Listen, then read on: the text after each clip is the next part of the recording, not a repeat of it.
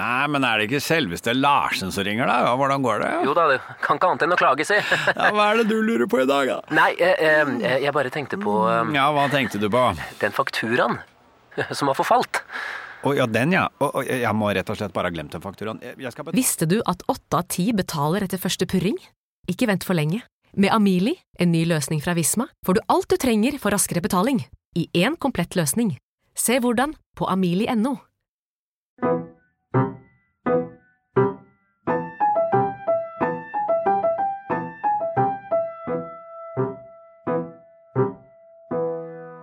Hei, og velkommen til podkasten Frilanslivet. En podkast av meg, Hanna von Bergen, og min kollega Kristina Skreiberg. Vårt mål med denne podkasten er å være en faglig og inspirerende kanal for alle dere som jobber for dere selv i medie-, kunst- og kulturbransjen. Ukens annonsør er regnskapsprogrammet Fiken. Både Kristina og jeg har brukt Fiken i mange år, og det er fordi Fiken gjør det enkelt å føre regnskapet selv. I fiken så kan jeg nemlig sende fakturaer, ta bilde av kvitteringer med fiken-appen, jeg kan levere moms og næringsoppgaven, og jeg kan gjøre alt fra samme sted. Det gjør frilanslivet mitt lettere, rett og slett. Vil du prøve fiken gratis i 30 dager? Gå inn på fiken.no. I dag skal jeg snakke med designer Nebel Saman. Nebel er 37 år, født i Kurdistan og bor i Oslo. Han utforsker ulike materialer, og hans skulpturer er ofte i skjæringspunktet mellom design, kunst og kunsthåndverk. Han har en svært gjenkjennelig stil, og hvis jeg skal prøve meg på å forklare hvordan det ser ut, så ville jeg sagt at han lager skulpturlignende møbler som er bygget opp av et slags stillas av papp, stål, tre eller andre materialer, og deretter dyppet i dryppende gips, ofte helt hvite, men noen ganger også i knallrød farge. Nebel har, en bachelor i interiørarkitektur og møbeldesign fra Kunsthøgskolen i Oslo, som han fullførte i 2019. Han er også utdanna møbelsnekker og har tidligere studert reklame og merkevarebygging. I 2017 mottok Nebel Doga-merket for Årets nykommer, og i 2020 var han nominert til Årets nykommer i Bo Bedre designpris. Jeg gleder meg til å snakke med Nebel om hvordan han har bevega seg fra å fokusere på det å lage godt håndverk i anførselstegn som møbelsnekker, til en mer konseptuell retning, hvor funksjon ikke kommer øverst på prioriteringslista. Jeg er også nysgjerrig på hvordan det har vært å ta opp studiene igjen i voksen alder, og høre mer om hvordan Nebel sitt frilansliv ser ut. Velkommen. Takk. Hyggelig å ha deg her i studio. Takk for invitasjonen. Du ble som nevnt ferdig utdanna i 2019. Da var du 34 år. Og hvordan var det å gå tilbake til skolebenken eh, på en måte i voksen alder?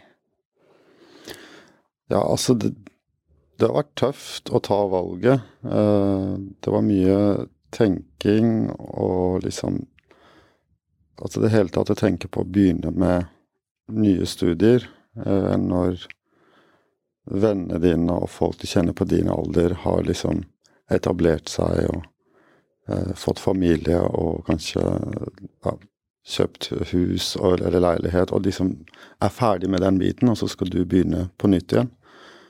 Men det har vært veldig Jeg tenker at det er det beste jeg har gjort. Eh, sånn som ting har blitt nå. Jeg er kjempeglad for det. Og så vil jeg si at det å være voksen student har jo vært veldig fint. Eh, og jeg hadde jo også barn mens jeg Altså, jeg fikk barn det året jeg begynte på Møbelsnekkeren. Eh, og så har jeg hatt barn gjennom hele studieperioden min, også da jeg begynte på, på KIO.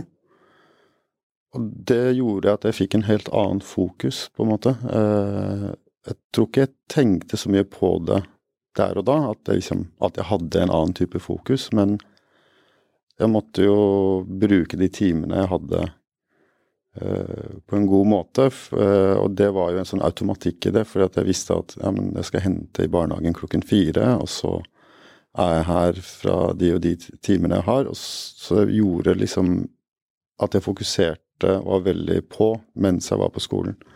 Så all ekstra tid jeg hadde eh, brukte jeg på sideprosjekter i tillegg til oppgavene som jeg hadde på skolen, eller bare eksperimentere, henge på verkstedene. Så så det har vært fint, men jeg kan jo også huske at jeg var litt sånn misunnelig på de som var yngre enn meg. Jeg, I klassen min, vi var jo 10-11 eh, personer. Og da var det De aller fleste var rundt 20. Ikke sant? Så jeg, jeg var jo ja, 10-11-12 år eldre enn de. Og jeg så de kunne liksom ja, være på KIO til klokka 11 på natta og sånt. Og, men så forsto jeg etter hvert at det å bare ha masse tid Men det, hvordan man bruker tiden, var det som var viktig. Uh, ja.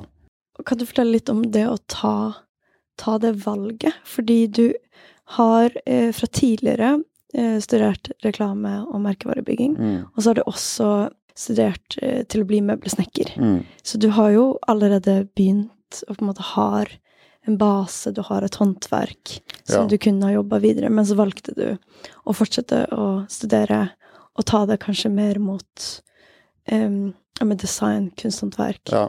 En litt annen retning. Hvordan var det å ta det valget?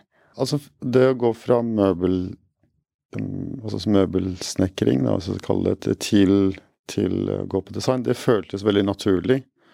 Uh, men da jeg studerte uh, reklame, så var det på en måte uh, Det gjorde jeg, for det hadde jeg liksom etter videregående, så var det sånn ja, men nå, Jeg var veldig sånn skolelei, da, så tenkte jeg at jeg vil jobbe og tenke litt på hva jeg skulle gjøre videre. Og så endte det med at jeg ble liksom på den jobben i ja, fire år mer enn jeg hadde tenkt.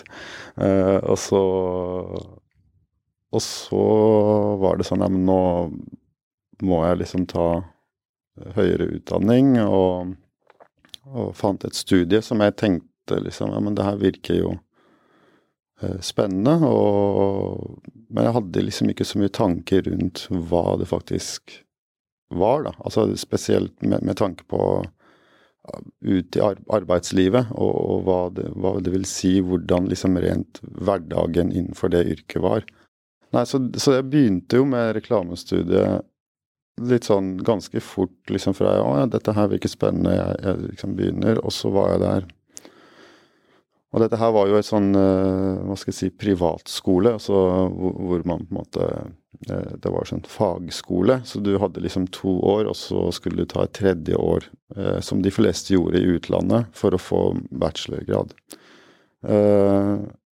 Og da begynte jeg, og så husker jeg liksom siste semesteret Uh, hadde vi en sånn tur uh, til sånn studietur til, til, New York, hvor, sant, som ofte drar på Gjerne for å liksom vite litt mer om det man studerer, og, og liksom bli inspirert da, på. Så vi dro og besøkte altså jeg husker ikke hvor mange, men en hel haug av reklamebyråer i ulike størrelser.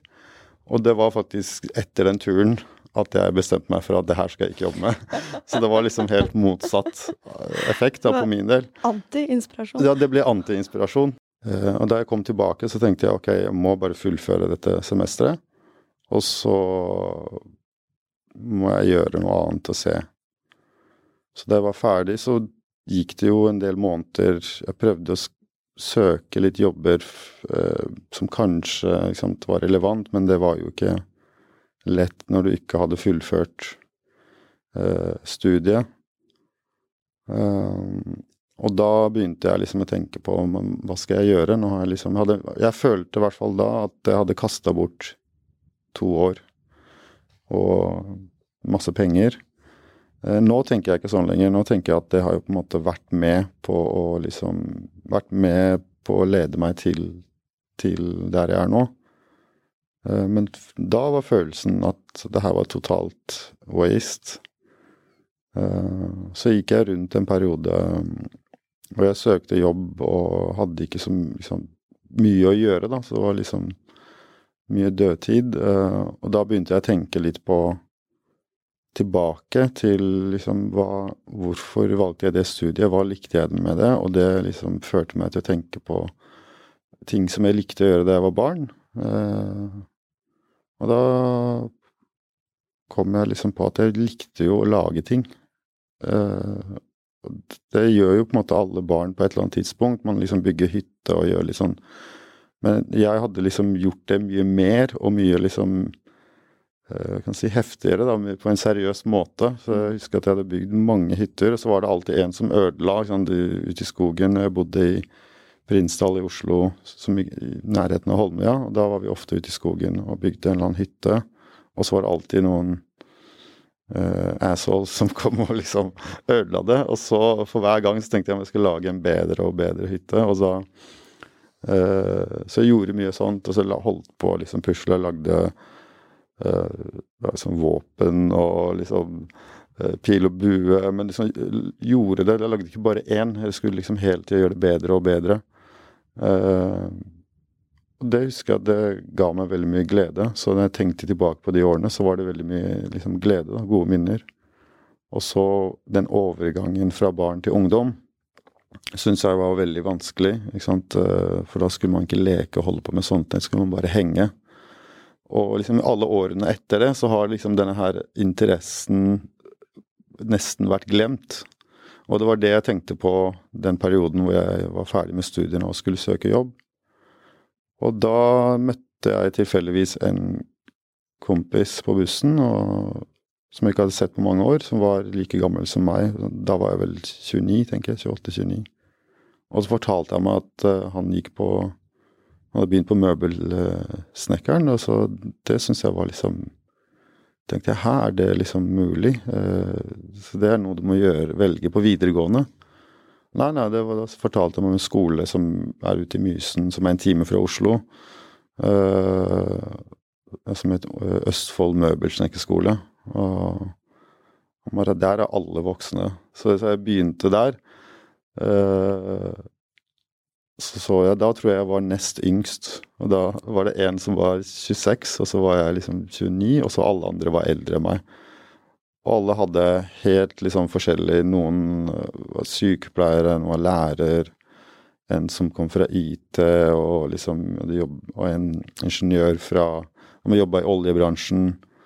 Eh, altså folk fra alle forskjellige typer liksom, bakgrunn, som alle hadde lyst til å gjøre noe annet, eller bare ta et friår for å lære seg håndverk. Da. Og da følte jeg at liksom det her med en gang jeg var inni den snekkersalen, så tenkte jeg at det her er liksom Nå har jeg funnet det jeg har lyst til å holde på med. Mm, deilig. Mm. Jeg tenker det krever jo litt mot å både droppe ut av på en måte, reklamestudiene før Mm. du har fullført hele bacheloren, og også ha den der tiden til å virkelig eh, reflektere for ofte så ruller jo ting og går veldig kjapt, og Mm. man kanskje bare havna et sted som man ikke helt var klar over at man sikta på. Mm. Og så føler man kanskje at det er litt for seint å endre eller bytte retning, eller Mm. Og det er veldig vanskelig å finne ut ja, hva vil man Mm. gjøre. Eh, Så når du sitter og snakker om det her, så tenker jeg at det er den der tiden til refleksjon, hvor viktig den er for å klare å At det som kanskje ligger langt bak da, i hodet, eller det du egentlig vet at du liker, når man får lov til å komme opp til overflaten. Mm.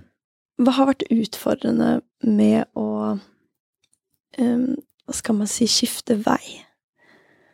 Ja, altså Utfordringa altså, Det er liksom den følelsen av å begynne på nytt igjen. Det var jo sånn ganske tøft. Og selvfølgelig det økonomiske ved det. Eh, og at eh,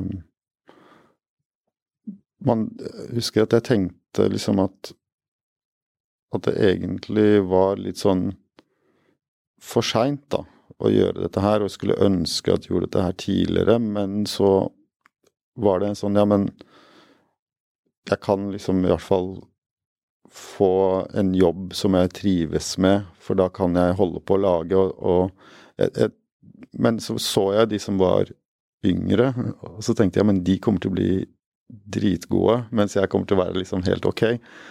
Uh, og det var jo kanskje sånn det var, altså Men uh, ja, det, det var liksom de tankene der.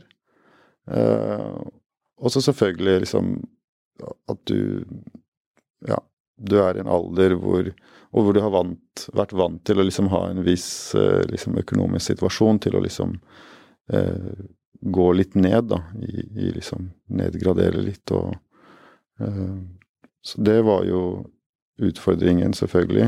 Hva følte du at det har gitt deg? Du sa når du gikk inn i det her møbelsnekkerverkstedet, da, Ja. så satt liksom følelsen Yes, det her Nå har jeg funnet frem. Ja. Em, og så har du tatt en bachelor på KIO i Mm. møbeldesign Mm. eh, etter det. Men ja, hva har vært givende med å kjenne at uh, um, nå er det rett? Altså, det har jo vært på en måte alt, da, for min del. Uh, den følelsen av at du uh, har funnet et sted som du Hva skal jeg si hører til. Eh, det var veldig spesielt, fordi at jeg har liksom Jeg har gjort forskjellige ting eh, gjennom livet. Liksom både liksom studie og Men også har hatt forskjellige typer jobber eh, gjennom årene. Og, og må nesten si at det var sånn første gang jeg følte at det hørte til og For jeg har alltid følt meg litt sånn eh, Ikke ubrukelig, men at, at jeg liksom ikke kommer Ikke er den beste da, på arbeidsplassen. Ikke det at jeg føler at jeg er det nå, men det er liksom du, du har, De jobbene jeg har gjort, har vært alltid sånn at ja, men jeg tror ikke jeg er den som på en måte eh, altså, Hvis jeg forsvinner, så tror jeg ikke stedet her kommer til å klare seg helt fint uten meg, og at jeg er helt sånn derre Bidraget mitt egentlig liksom ikke har vært så eh, viktig, da. Eh, jeg har bare følt meg liksom litt sånn utenfor og litt sånn Ja, at ikke, ikke liksom vært bra nok Mm. på mange av de arbeidsplassene eller de jobb, type jobbene jeg har hatt. Uh, og at de aller fleste ville gjort en bedre jobb enn det jeg gjorde. Uh, men da jeg begynte, begynte på møbelsnekkeren og liksom etter hvert uh, kom i gang, så kjente jeg liksom at ja, men her kan jeg faktisk gjøre ting som i hvert fall, altså Jeg kjenner at jeg, det er en bra ting. da, At jeg, jeg føler at jeg gir mitt best, beste jeg kan gi, og at det er bra. Uh, så det er på en måte det fine ved den, altså den følelsen. da. Hva tror du bidro til denne følelsen av tilhørighet? Ja, Hva ved det? Er det liksom det å jobbe med hendene, eller hvordan Hvorfor passer det så godt? Ja. jeg, tr- jeg tror nok det var det. At, at det var at, uh, sant, at At jeg kunne bruke hendene, bruke hodet og gjøre disse tingene liksom uh, hvor hvor det ikke er en sånn sant, Du må gjøre det og dette for at det skal bli riktig, men det er sånn her har du alle de verktøyene du kan bruke for å gjøre ting, og så er det litt opp til deg til å liksom jobbe, komme med løsninger eller komme med nye perspektiver. Det var liksom litt rom da, for at jeg kunne legge inn de tingene som på en måte er eh, Som er på en måte meg, da, hvis, hvis man skal si det på den måten. Mm, du får bruke din kreativitet. Ja, ja på, kan si det på den måten, kanskje. Mm. Eh, Så det var liksom den, den følelsen av at du du kan bidra med bidra med noe. Eh, og det, ditt bidrag uh, på en måte kan være uh, verdsatt, da, som på en måte er Og unik, kan man si. Men, men man føler litt sånn Føler seg kanskje litt tryggere også, når man, når man kommer finner noe som man kjenner at at ja, gjør en slags ikke, ikke en forskjell, jeg vil ikke si at det utgjør en forskjell, men, men at følelsen av at du kan få det her til, da, er det. For Mm. alt annet har vært sånn at jeg tror ikke jeg får det til så bra. Mm. Mestringsfølelse. Ja, en mestringsfølelse. Mm.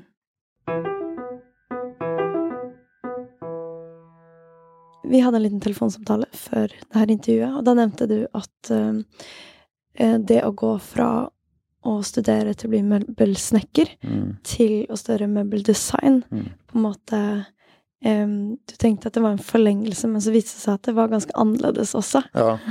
Kan du fortelle litt om på ja. hvilken måte? Jeg var jo veldig sånn nerdete. Jeg skulle bare gjøre ting i tre, og det skulle være godt håndverk og fingerskjøter og alle disse typer sammenføyningene, liksom, som, som liksom man nerder veldig på, da. Uh, og så begynte jeg liksom å få høre fra ja, lærerne og professorene og sånt etter hvert bare liksom Men Nebil, liksom nå Du trenger ikke bevise for oss at du kan lage gode møbler, det ser vi.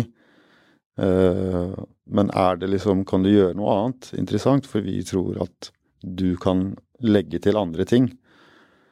Og det begynte jeg, det irriterte meg litt i begynnelsen, og, men så begynte jeg å tenke litt på det, og ble liksom litt flinkere til å ta imot den type liksom, tilbakemeldinger. Da. Og det er jeg kjempeglad for i dag. Eh, og jeg husker spesielt det var én oppgave jeg gjorde som har vært, betydd veldig mye for meg. Eh, er den eh, Jeg gjorde en benk eh, som, som kom ut på en måte ut ifra en sånn type tilbakemelding, da, mm. hvor jeg var nødt til å liksom legge til noe annet enn bare liksom fint håndverk. Og denne benken ble kalt Personal Space, ja. og det var også den du vant Doga-merket som årets nykommer ja. for. Mm.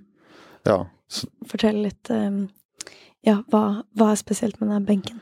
Det er en benk som på en måte Altså, jeg tenker er en ganske vanlig liksom utseendemessig, da. Eh, litt sånn typisk kanskje litt skandinavisk, liksom rene linjer og liksom eh, Jeg var veldig opptatt av at det skulle være liksom godt laga, men, men, så var det liksom et sånn annet lag da ved, ved liksom at jeg skulle prøve å kommunisere noe som jeg var interessert i gjennom et møbel. Og det var det her som kom ut fra disse liksom, tilbakemeldingene og samtalene jeg hadde med lærere og professorer. Eh, det var en som het eh, Som jeg hadde da, Bjørn Blikstad, som også er eh, designer, men som var Som hadde det kurset, og vi hadde mye fine samtaler. Og da var det Men ok, du lager en fin benk, godt håndverk og alt det der. Er det noe du er interessert i som du kan legge til i tillegg, da? Og det tenkte jeg på, og så var det noe som jeg syns egentlig alltid vært interessant. Det, eh, det her med avstand mellom eh, mennesker. Eh, hvordan vi forholder oss til hverandre og ting rundt oss. Eh, og prøve å vise det. Eh, så jeg gjorde liksom litt sånn undersøkelse, altså leste litt om tematikken, og da kom jeg over eh, en som faktisk hadde gjort et studie på dette her, og hadde liksom en en slags term da, på, på, det, og det er proxemics, sant, som ja, kommer fra ordet pro, proximity. Da, og, og, da hadde den liksom målt, jeg vet ikke hvordan, men altså funnet ut eh, disse ulike avstandene som gjør eh, liksom, Som er naturlig for oss mennesker, men også noe som er da kulturelt betinga. Og det var da eh, ikke sant, Hva er intimsonen? Og så Eh, er det eh, personal space, eller sånn, det som da er eh, litt utenfor det. ikke sant? For intimsonen da var 0 til 45 cm liksom, i diameter. Altså veldig sånn nerdete, ikke sant. Og så, og så har du liksom public space, som er sånn når du står og venter på bussen, hvor hva er avstanden til andre mennesker? Liksom, hvor nære må de komme før det begynner å bli ubehagelig? Uh, og så viser det seg liksom at uh, ja, det var liksom egentlig veldig små forskjeller. Hvis, hvis, vi sier at uh, intimsonen i Norge er liksom 46,2 cm, så er den liksom i Argentina så er den da 44,8. Mm. Så det er ikke så store forskjeller. Uh, og det syns jeg var litt gøy, da, for det er liksom det er så myte at liksom nordmenn er så liksom, Vi er så folkesky og liksom og så sånne ting, da, Men så viser jeg at det er egentlig ikke så stor forskjell fra en kultur til en annen. Det er veldig sånn små, da. Så det er, liksom, det er snakk om noen Kanskje en centimeter forskjell mellom mm, oss. Uh, så da lagde jeg en benk. Altså det, så det er en benk uh, som har to seter. Uh, ja, relativt lang, 180, så er det to, 180 cm, og så er det to seter da som som kan skyves. Så når du sitter på det, så kan du liksom skyve deg fra side til side. da. Mm, så du kan velge din egen ja. eh, avstand? Du kan velge avstand da, og sånn kjenne på liksom hvor eh, liksom, ja, hva, når, hvor, når, blir det ubehagelig? Eh, og det var jo en kjempefin oppgave og, og viktig prosjekt for meg, ikke minst fordi da begynte jeg liksom å, å jobbe med liksom utenfor bare at det skal være funksjonelt eller, eh, eller godt håndverk, men også prøve å, ja, prøve å legge til et uh, lag til. Uh, det var viktig, det, for det begynte jeg å lære å tenke på en annen måte. Uh, og en annen ting var jo den Doga-prisen, som ga meg en sånn skikkelig boost. Men, og da gikk jeg første året på, på, på KIO. Og så på slutten av Liksom rett før jeg gikk ut, så ble den kjøpt inn av Nasjonalmuseet. Mm. Som, som, var da på en måte helt, helt rått, da. For, for, spesielt for en student, men ellers også, som, som, en designer eller kunstner, så er det liksom veldig gjevt, da. Mm, og jeg kan tenke meg også etter ganske mange år, som du sa, hvor du kanskje ikke har hatt så stor mestringsfølelse, eller følt at eh, mm. det, er helt, det er ikke helt min greie, ja. og så kjenne at du finner rett, og så på en måte få en nykommerpris, ja. bli innkjøpt ja. av Nasjonalmuseet. Det må være en veldig stor følelse. Det er det. Uh, nei, jeg skal ikke si noe annet. Det er helt fantastisk. Og, og, selv om jeg tror de aller fleste som gjør jobber med disse typer, altså om det er kunst eller noe annet kreativt, jeg tror de aller fleste gjør ikke det for disse tingene. ikke sant? For, uh, for å vinne pris eller liksom uh, Men jeg tror når det skjer, så er det en sånn veldig sånn deilig, fordi at Eh, du blir jo veldig motivert, eh, og alle vil jo på en måte Altså, du, du får en slags anerkjennelse, da. ikke sant? Det er en sånn eh, klapp på skulderen at du gjør noe riktig, fortsett med det. Det er sånn jeg tenker på det. Eh, og det hjelper utrolig liksom, på selvtilliten, og men på motivasjonen eh, osv. Så, videre. så det har vært veldig, veldig viktig for meg. Mm, det skjønner jeg. Mm.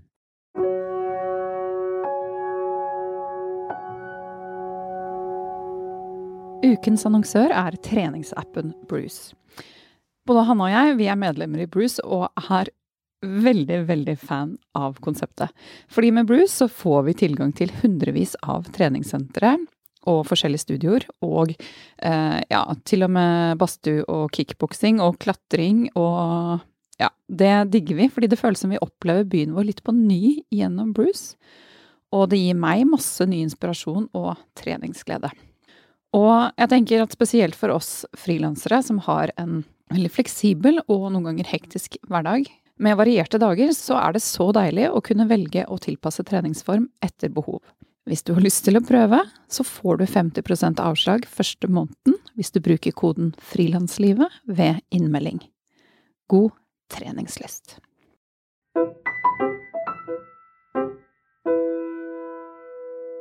Hvorfor var det viktig for KIO og lærerne at det ikke kun var et godt håndverk, at det skulle være noe mer? Ja, altså Jeg, jeg vet ikke. Jeg, jeg tenker at uh, det var jo litt Altså, du har en utdanning som skal som heter, ikke sant, Linja jeg gikk på, het møbeldesign og interiørarkitektur. Uh, men så er det på en kunstskole. Uh, og der er det De har en litt annen fokus, da, liksom. Selv om man holder seg innenfor faget, så har de en annen type fokus enn hvis du går på en teknisk skole, som f.eks. Arkitekthøgskolen eller andre skoler som fokuserer på det tekniske. Men jeg tror på, på KIO så har de jo liksom Det er jo veldig mye annet ved disse fagene som er in interessante.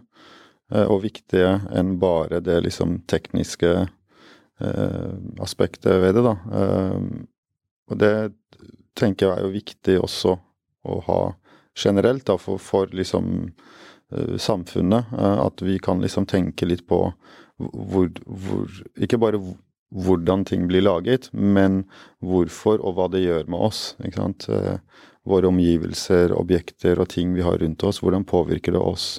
Eh, som mennesker. Hvordan påvirker det vår liksom eh, sinnstilstand og mental helse. Altså det er veldig mange ting.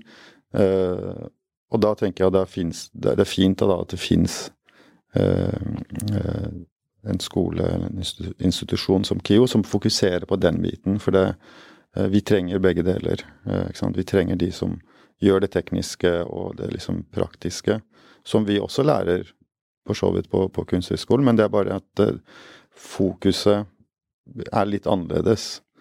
Og det vil jo si at jeg også etter hvert liksom, Man blir jo eksponert for nye ideer og nye eh, tanker og samtaler med eh, ulike folk med ulike bakgrunn, som da eh, får deg til å tenke på disse tingene og gjør at du endrer litt eh, perspektiv på det her. Så, så, jeg vil si at min interesse i dag innenfor design er jo mer på en måte de kulturelle og sosiale aspektene ved design som jeg syns er mest interessant. Uh, selv om sant, jeg er interessert i form og komposisjon og materialitet, men, uh, men jeg syns liksom at alt Altså det, hvordan tingene påvirker oss, hvordan, hva det forteller om oss, er mer interessant da enn de andre tingene. Mm. Og jeg nevnte jo, jeg prøvde å beskrive litt der i introen eh, hvordan på en måte dine møbler eller skulpturer eh, ser ut. Mm. Det er litt vanskelig. Hvis du som lytter vil sjekke det ut, så kan du gå inn på Nebelsaman på Instagram. Mm. Eh, eller på nettsiden din, eller på Frilanslivet, eh, hvor vi kommer til å legge ut litt bilder. Eh, men kan du fortelle litt om prosessen med å skape dine eh, Ja, hva kaller du det? Kaller du møbler, eller kaller du skulptur, eller har du en ja, betegnelse på det? Ja, altså det kommer an på fra objekt til objekt. Noen ting kaller jeg liksom jeg kan si at det er et bord eller en krakk, eh, en lampe, men andre ganger så er det en så har den liksom ikke noen egentlig funksjon, så det er en skulptur. Men jeg beveger meg i, i det landskapet, så det er sånn Har ting en flate Eh, kan du sette en kopp på det? Da blir det et bord, hvis du vil. Da, så, så, det er litt sånn uh, Så jeg, tenker ikke så mye på det, men det er helt naturlig. Selv om jeg skulle laget noe som jeg tenker at men den her har null funksjon.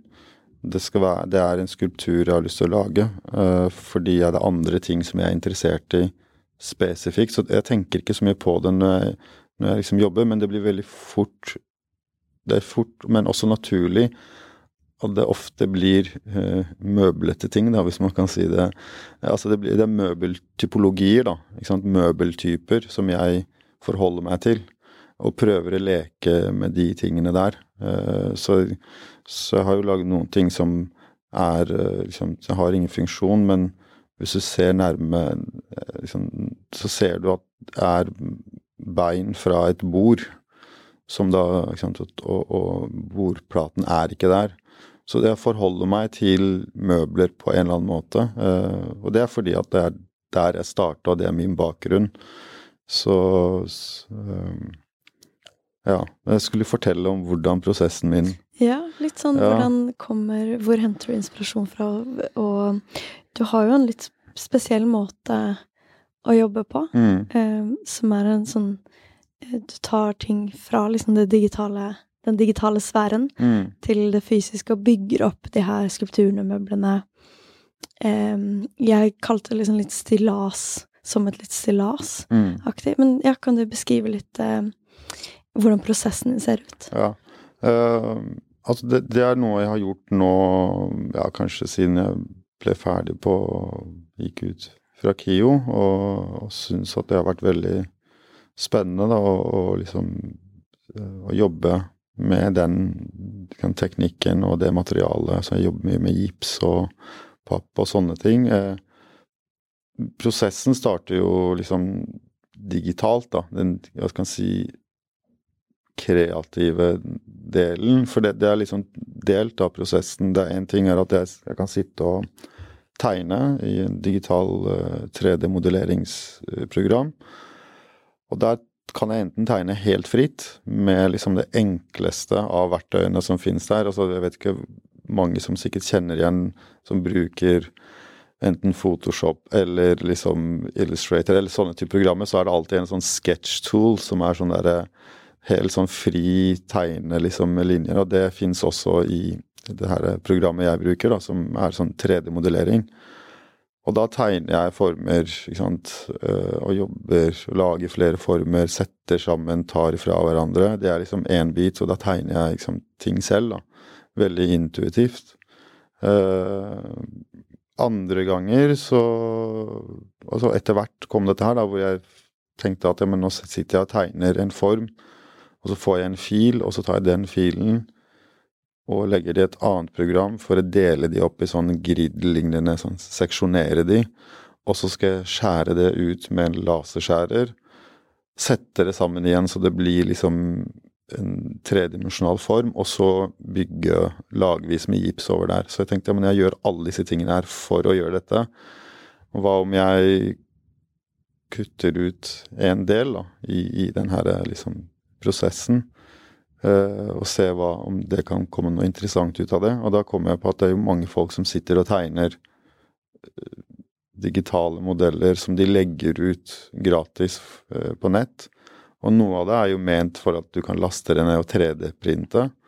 Andre er jo bare der ikke ment for 3D-printing. Det er ikke det er ikke sånn liksom, den filtypen er ment for, men det kan være at de har laget en modell enten fordi de har lært seg et program, eller de vil dele det med andre. Men det, det er ment for å være i den liksom, digitale sfæren, da, ikke sant. Og, og, da tenkte jeg at da kan jeg laste ned de tingene som, som jeg syns er interessante, og så kan jeg liksom gjøre all den prosessen. Altså da er det på en måte ikke jeg som har tegnet det, det er noen andre som har tegnet det. Og så kan jeg da begynne å liksom leke rundt med de tingene. Jeg kan laste ned flere ting, dele de opp, legge de sammen. Og da på den måten så oppstår det ting og ideer og former som jeg nesten aldri kunne tenkt meg fram til selv. Så da blir, eh, da blir det veldig interessant for meg, eh, forhåpentligvis for andre også. Eh, men det gjør noe med prosessen min, da, ikke sant, som jeg tenker er fint. Det er en veldig gøy måte å jobbe på, for det er jo litt sånn mange jobber digitalt. At mm. noe er open source, eller at flere kommer sammen mm. og, og, bygger noe, eller programmerer noe, eller mm. um, Sånn at det er jo et slags sånn samarbeidsprosjekt, men uten at den andre part kanskje vet om ja, at de er med. Ja, ja det, er, det, er, litt sånn. Altså det, du kan sammenligne litt med altså Tenke på folk som lager musikk, at man sampler og lager en remix og sånne ting. Så det er litt sånn mm. man kan forklare det på, da, eh, en måte. Men det blir jo, ikke sant, resultatet blir jo da noe helt annet. Helt liksom ugjenkjennelig. Så sist jeg gjorde det, så syns, fant jeg noen eh, modeller av noen katter som jeg syntes var liksom ganske gøy. Og så, så, tok jeg de, og så var det sånn kattehode som noen hadde tegna og lagt ut. Ja, ok, det var gratis å laste ned, så jeg lasta ned det, og så og så tok jeg og lagde en kopi av det, så jeg hadde to av de, og så, og så liksom speilet jeg de, og så la de sammen og snudde det opp ned. Og, og da liksom hadde jeg liksom ja, da, Kanskje vi kan kalle dette her en, en krakk, ikke sant. og da la jeg en sånn treplate med, med, som jeg hadde farget som jeg hadde liggende i studio, og, og la det oppå, og så ble det liksom en ting som Jeg tror hvis jeg hadde liksom skulle sette meg ned og prøve å tegne det, så hadde jeg ikke klart det. ikke? Så, så det, bare, det, bare, gjør noe med prosessen. jeg liksom, Men jeg gjør ikke det hele tida. Jeg gjør det iblant, og noen ganger gjør jeg en kombinasjon. Men for meg så handler det liksom om å holde ting interessante, og liksom at det er spennende for meg å gjøre det. Uh, men så syns jeg jo i seg selv at det er liksom interessant fordi at vi vi er veldig mye sant, i det digitale, og vi, vi, er liksom inn og ut.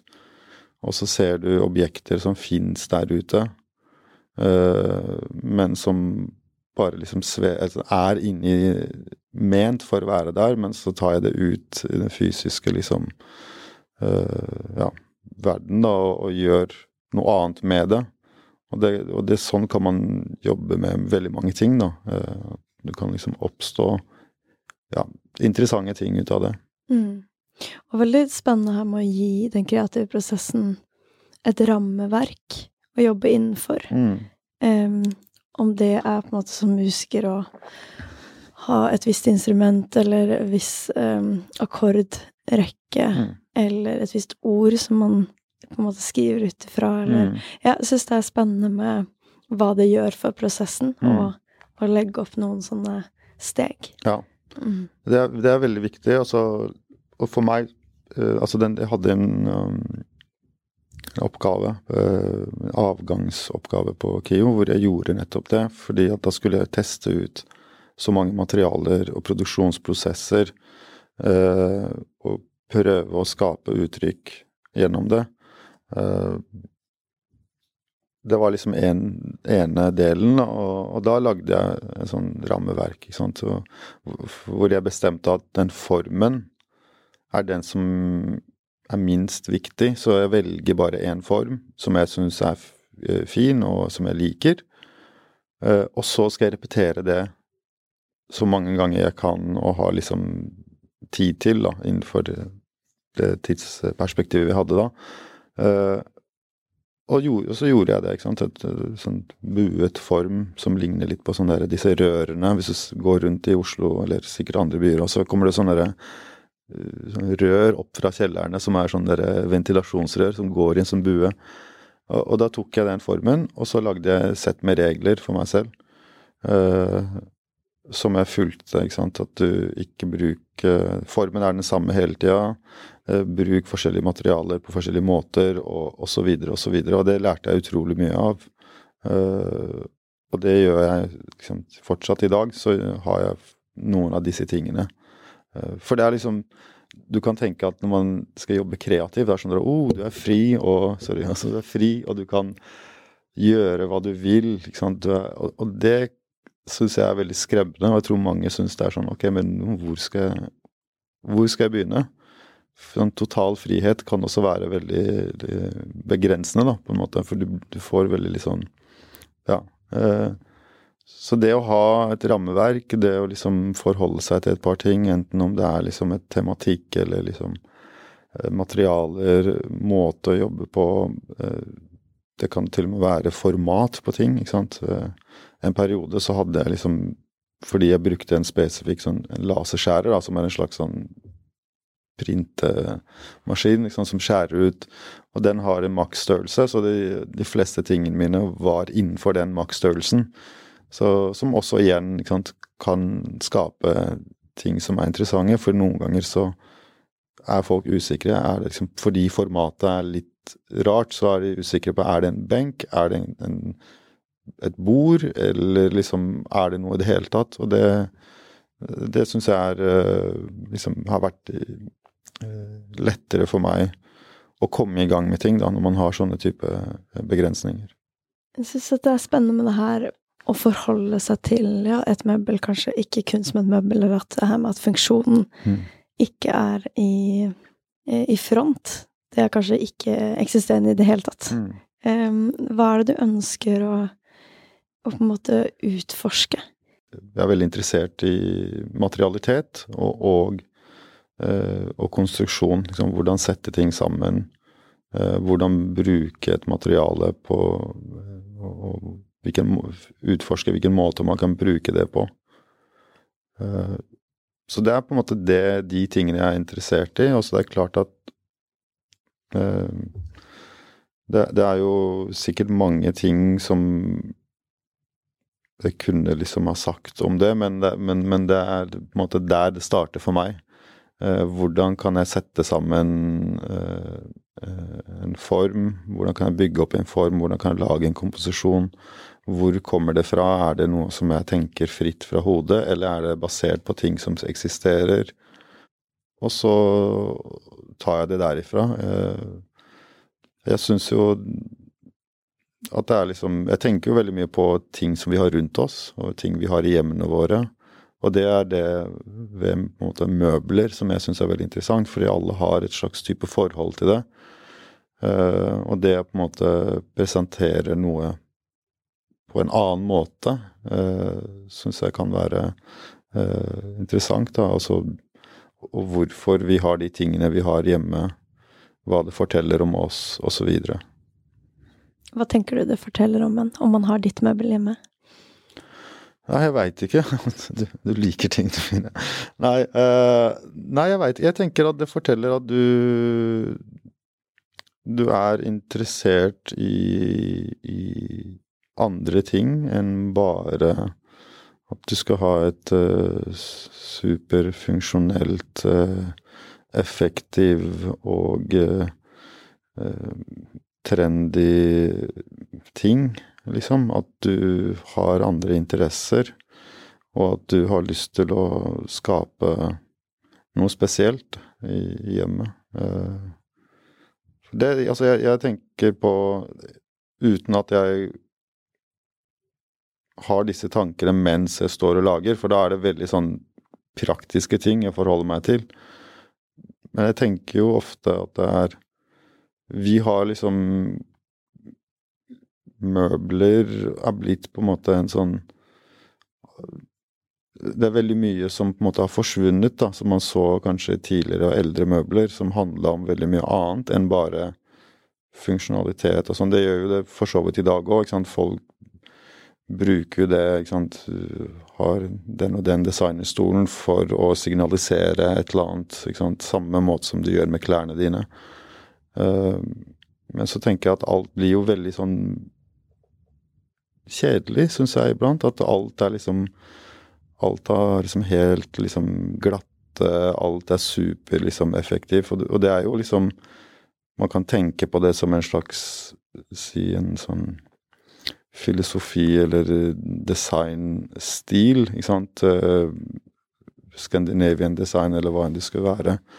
Men så henger det ofte sammen med sant, den tiden vi lever i, og maskinene som lager det. Så det er mye enklere for maskinene å, å lage helt rette, slette deler enn at det skulle være liksom noe ornamentikk, f.eks., som man ser veldig lite av. Uh, og det syns jeg er litt kjedelig, da, at liksom det er det eneste som typer av møbler som skal få lov til å komme hjem til oss, for det har vi på arbeidsplassen. Der er det alt liksom supereffektivt og veldig glatt og funksjonelt, og det er greit nok, det trenger vi. Eh, sånn er det på en måte. Hele samfunnet er liksom en sånn effekt, effektivt, da, ikke sant. Komme fra A til B raskest mulig og minst liksom uh, Ja, og så, så syns jeg det er litt kjedelig at hjemme også skal være sånn. At hjemmet ditt kan jo egentlig liksom gjøre, gjøre det Det er klart man må ha noen funksjonelle møbler, men det er også rom for veldig mange ting som ikke handler om funksjon, men som kan gi, gi en slags stemning i hjemmet. Uh, tenker jeg på er liksom Kan være interessant da med, med liksom å jobbe med, med møbler, uh, men på en annen, annen måte. Nå er det påskesalg hos Ark! Du får 30% på påskekrim og 40% på alle spill og puslespill. Jeg gjentar Ark har 30% på et stort utvalg krim og 40% på spill. Det er mye påske for pengene. Så hamstre påskekosen i nærmeste Ark-butikk eller på ark.no.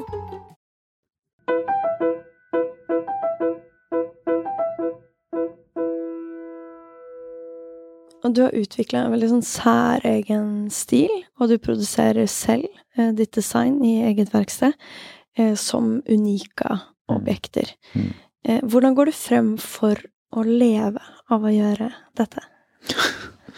uh, ja, altså, jeg må jo si at uh, jeg er veldig glad for at jeg har uh, bakgrunn, altså en håndverksbakgrunn, da, møbelsnekker Eh, det er jo på en måte der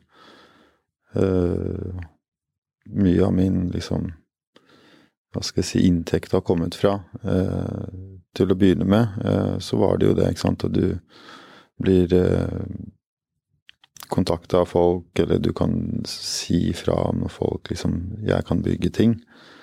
Uh, og det er jo alltid behov for, så det, det, er jeg veldig glad for at jeg har. Så jeg har liksom gjort oppdrag som møbelsnekker. Og så har jeg liksom Iblant har jeg liksom solgt noen av mine egne ting, men, men, til å begynne med så var det det. Og så har jeg hatt workshops. Uh, nå har jeg liksom en sånn kombinasjon av de tingene. at du Altså gjør undervisning. så jeg har gjort en del undervisning siste året, og nei, i fjor og i år, og, og liksom, ja så det er en sånn derre blanding av ting. Klassisk lappeteppe? Ja, veldig sånn. Det er liksom, ja, hva skal jeg si, sånn gig-økonomi, typisk. Altså du, du, gjør forskjellige ting, og så, og så, har jeg litt salg iblant. Og, og, så har jeg vært selvfølgelig heldig, selv om det kanskje ikke er liksom relevant sånn for alle frilansere, men jeg har vært heldig og fått uh, arbeidsstipend iblant. uh, som da hjelper på, og da uh, får du tid til å fokusere på, på liksom uh, kunsten, og, og, og, som igjen senere kan åpne opp for nye muligheter. Så, så det, å ha, det å ha liksom noe sånn spesifikt som møbelsnekring, som er en sånn håndfast, liksom praktisk ting. liksom Dette er liksom det jeg kan gjøre, men så er ikke det så, så veldig langt ifra det andre delen av praksisen. Det har vært veldig fint? For, for da kan jeg gjøre den jobben, uh, få penger og liksom kunne betale uh, regninger og sånne ting. Uh, og, så, og så har du den andre biten som som ikke liksom Du kan fortsatt være på verkstedet, og du, gjør mye av de samme liksom tingene på en eller annen måte. Mm. Og noen ganger så kan det jo Det er interessant å si at de jobber litt mot samme retning. Ja. Eh, fordi jeg tror en del som kanskje har en mer sånn klassisk pengejobb, kan føle at den bare fjerner fokus fra mm. det eh, man egentlig vil gjøre, og at mm. de går litt i konflikt mm. eh, med hverandre. Hvordan vurderer du hva du skal si nei eller ja til av type oppdrag? Altså, I begynnelsen så sa jeg ganske Jeg ja, sa jo ja til det meste, eh, som var eh, jo viktig, ikke sant. Eh, man må jo eh, ha liksom en slags Hvis man har lyst til å holde ting eh, gående, så må man jo på en måte ha eh, inntekt.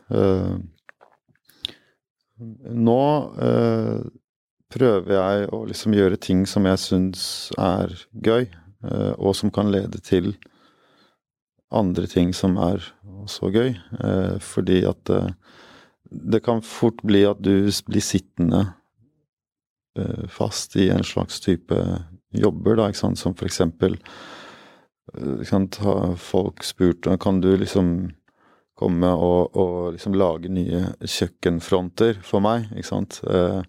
Og da liksom, gjør du det et par ganger, så, mm. og så er det veldig sånn word of mouth. Så, kan du, så plutselig får du masse telefoner om folk som vil endre kjøkkenfronter. Og da er du i en kjøkkenfrontbusiness, ikke sant. Så lager du totalt ufunksjonelle kjøkkenfronter. ja, ja. Så, så, så, det, så, det, var liksom de tingene ikke sant, så du tenker at ok, det her vil jeg Dette her syns jeg er gøy å jobbe med, og jeg liker å jobbe med det. Det sier jeg på en måte ja til, men alt som og da, og da, er det sånn Da kan jeg faktisk si ja til det, selv om uh, det andre, altså, selv om det ikke er like bra betalt som å f.eks. lage kjøkkenfronter. Uh, men da er det sånn Ok, hva, hva, er det som kommer til å lede noe til noe bra? Uh, og så tenker jeg at senere, liksom ned, liksom ned linja, så kommer jeg sikkert til å få betalt for det som jeg ikke fikk betalt for nå, liksom. Så, men jeg gjør absolutt ikke ting gratis, ikke sant. Eh, eller eh, sånne ting har liksom eh, Det har jeg nesten aldri sant, gjort, men jeg har vært litt grei med pris noen ganger. Men jeg prøver å være liksom Tenke at at den tiden jeg legger inn og, og det, det er ikke bare liksom her og nå. Man har jo sånn, brukt tid også før, og, og man gjør det hele tida. Og så prøve å bruke tiden så godt som jeg kan, og, og at jeg får liksom en sånn fair liksom betalt for det, da. Og i en artikkel fra eh, 2020 i Bo bedre, så nevner du at eh, det finnes nesten ingen plattformer der man kan vise arbeider som ikke passer inn i en butikk. Ja, har jeg sagt det? er det noe du står ved fortsatt? Man sier mye rart. Uh, uh, jeg tror jeg tenkte på Nei, jeg kan ikke si, for nå har ting endra seg ganske mye, vil jeg si, på veldig kort tid. Ja, for det er ikke uh, lenge siden det her. Nei, det er ikke det. Fordi at Men det her var før Pyton. Ja. for, ja, jeg vet ikke om alle, Det er sikkert mange som ikke har hørt om Pyton, men jeg tenker at eh, altså, Pyton er et sånn visningssted som jeg vil si er helt unik. Eh, i liksom, Ikke bare i Norge, men også internasjonalt. Hvor eh, de viser eh, arbeider fra eh, kunstnere, altså billedkunstnere, hvis man skal si det. altså Billedkunstnere, arkitekter, designere og så videre. Så det viser de det sammen. Uh, og det er liksom veldig unikt, uh, eh, syns jeg. Og det var noe som jeg og jeg tenker andre som jobba litt sånn som jeg gjorde, noe som vi savnet. ikke sant? For det var litt sånn uh, Du har alle disse galleriene og liksom som, som, da viser enten kunsthåndverk, eller de viser maleri, eller noen viser skulptur osv. Men så var det jo egentlig ingen steder som kunne vise ting som var med, med Tverrfaglig, på en måte. Tverrfaglig, og, og, design og sånne ting. Så jeg vil si at nå har ting endra seg, og, og, og, jeg tror at også det at man har fått et sted som Pyton, også gjør at andre eh, gallerier og andre liksom tenker at eh, men det kan vi også på en måte Det her fungerer bra, det vil vi også være med på. Eh, og det tror, tror, jeg er fint for alle, for det, det som jeg syns er fint med sånn type sted, er jo at du, du, treffer veldig mange andre som du kanskje ikke ville truffet før. Du, du lærer om sant, hvordan jobber eh, andre eh, som har et annet liksom, hva skal jeg si, disiplin. Og så ser du at andre veien også, så er det veldig mange som også er interessert i det jeg gjør, og som kanskje vil lære noe, ikke sant, og, og så videre. Så, så det blir en sånn derre Det blir sånn, ja, tverrfaglig, eh, og, og det kommer veldig mye interessant ut av det. Og i år så skal du stille ut dine verk i både Spania, London, Italia og Belgia. Eh, hvordan jobber du med å nå ut internasjonalt? Skal jeg si noe veldig Kanskje jeg skal Nei, altså, det er veldig rart. Jeg skulle gjerne hatt et sånn kjempesvar på at eh, dette gjør jeg for å nå internasjonalt. Jeg deler ting på Instagram. Eh, og jeg er ikke noe god på det heller. Jeg er ikke blant de som er sånn spesielt god eller bruker mye tid på Instagram. Eh, eh, men jeg deler ting det, og legger det ut. og så har jeg blitt kontakta av folk gjennom Instagram og kanskje spurt gjerne kan vi sende deg en mail. Og så har jeg svart og liksom etablert kontakt med noen av de som jeg syns har vært uh, interessante. Uh, det er liksom det med de utenlandske. Og så har det jo selvfølgelig at jeg også kan, Nå dro jeg til London sammen med Python, og drar til Milano sammen med Norwegian Presence. ikke sant. Så, så, og det fører jo da til at andre kan også se, og da hvis det er noe liksom mulighet eller interesse, så kan man jo alltids eh, liksom etablere en kontakt og se om det kan føre til noe. Mm, så det er mange små steg som leder an veien? Ja, det er det. Og så er det sånn, jeg har liksom ikke noe svar sånn derre Dette og dette har jeg gjort. Eh, fordi at det mange ganger så har jeg liksom egentlig ikke helt forstått hvorfor det ene har ledet til det andre, men jeg vet bare at hvis man er aktiv ikke sant? Jeg passer på å tenke at jeg skal være aktiv, og jeg skal eh, dele eh, det jeg gjør. Eh, jeg kunne kanskje vært enda flinkere, og sånt, men, men jeg syns det er en sånn vanskelig ting da med, med, sosiale medier også, fordi at det liksom eh, Du kan jo liksom få masse likes og det ene og det andre uten at det fører til noe, men så kan du liksom få en person som kan se det ene bildet, så kan det føre til et samarbeid. Så man vet aldri. Eh, så, så tenker jeg det er fint, for da kan man dele tingene eh, man gjør, og, og, og så la det på en måte leve litt sitt eget liv. Og og jeg tenker at det kunne helt sikkert vært mye flinkere, men jeg, jeg har et veldig sånn vanskelig forhold til når jeg bruker kjempelang tid på å bare legge ut en post. Fordi at jeg syns liksom det er liksom, liksom Ja, jeg bare syns ofte det er veldig kleint å, å legge, ut, legge, ut, ting. Og så Jeg legger nesten aldri ut noe privat, uh, så det er liksom bare jobbting. Uh, Eh, som regel så skriver jeg ingenting. sånn Jeg har hørt liksom folk som er sånn eksperter bare sånn, Du må skrive en caption, du må skrive det og det. Folk liksom syns det er interessant, men jeg, orker ikke det. Og så tenker jeg at ja, det hadde sikkert fungert, eh, men det passer ikke helt med hvordan eh, jeg er, da. Eh, men så vet jeg at det, er liksom lurt å være der, i hvert fall eh, sånn som det har vært for meg nå. Eh, For ellers så blir det veldig vanskelig. Ingen går og googler navnet ditt og liksom går inn på hjemmesida di. Hjemmesida er jo bare Det har jeg nesten bare fordi at det er nesten sånn derre slags formalitet, liksom. Og Jeg har en hjemmeside. og Jeg bruker nesten aldri noe tid på den. Hva syns du er det beste med å frilanse? jeg syns i hvert fall i mitt tilfelle det beste er jo at jeg, jeg, jobber med noe som jeg brenner for, og som jeg Altså, jeg, jeg, jeg tenker sånn Kunne jeg gjort bidratt på en bedre måte et annet sted enn det jeg gjør nå, så tenker jeg nei. Jeg hadde mest sannsynlig ikke kunne bidra med noe liksom annet. Og, og, og det at jeg får til å på en måte uh, å kunne jobbe med det, syns jeg er veldig, veldig deilig, og er veldig liksom, takknemlig for. Ja, det å komme i studio og være i det rommet og bruke tid der, er liksom vil si det aller beste. Hva syns du er mest utfordrende? Ja, det vil jo være, som jeg tenker de aller fleste, er jo økonomi. Det er jo klart, det, det å kan, det er jo den uforutsigbarheten, og du, du vet ikke uh, alltid veldig langt fram i tid hva som dukker opp og ikke. Og så må man jo på en måte selv prøve å liksom legge ut litt følere og, og liksom finne ut og planlegge. Uh, men det er jo blitt bedre nå enn det var i begynnelsen. For det er ofte at når du gjør noen jobber, så får du kontakt med mennesker, du får et nettverk, og gjerne øh, blir man invitert tilbake til de typer jobbene. Og så tenker jeg at uh, det på en måte Å holde ut er på en måte en, en sånn utfordring, da, som, som, er sånn Det kan være iblant hvor du tenker at det, det aller beste kan være liksom Det er lurt å bare kaste inn håndkleet, liksom.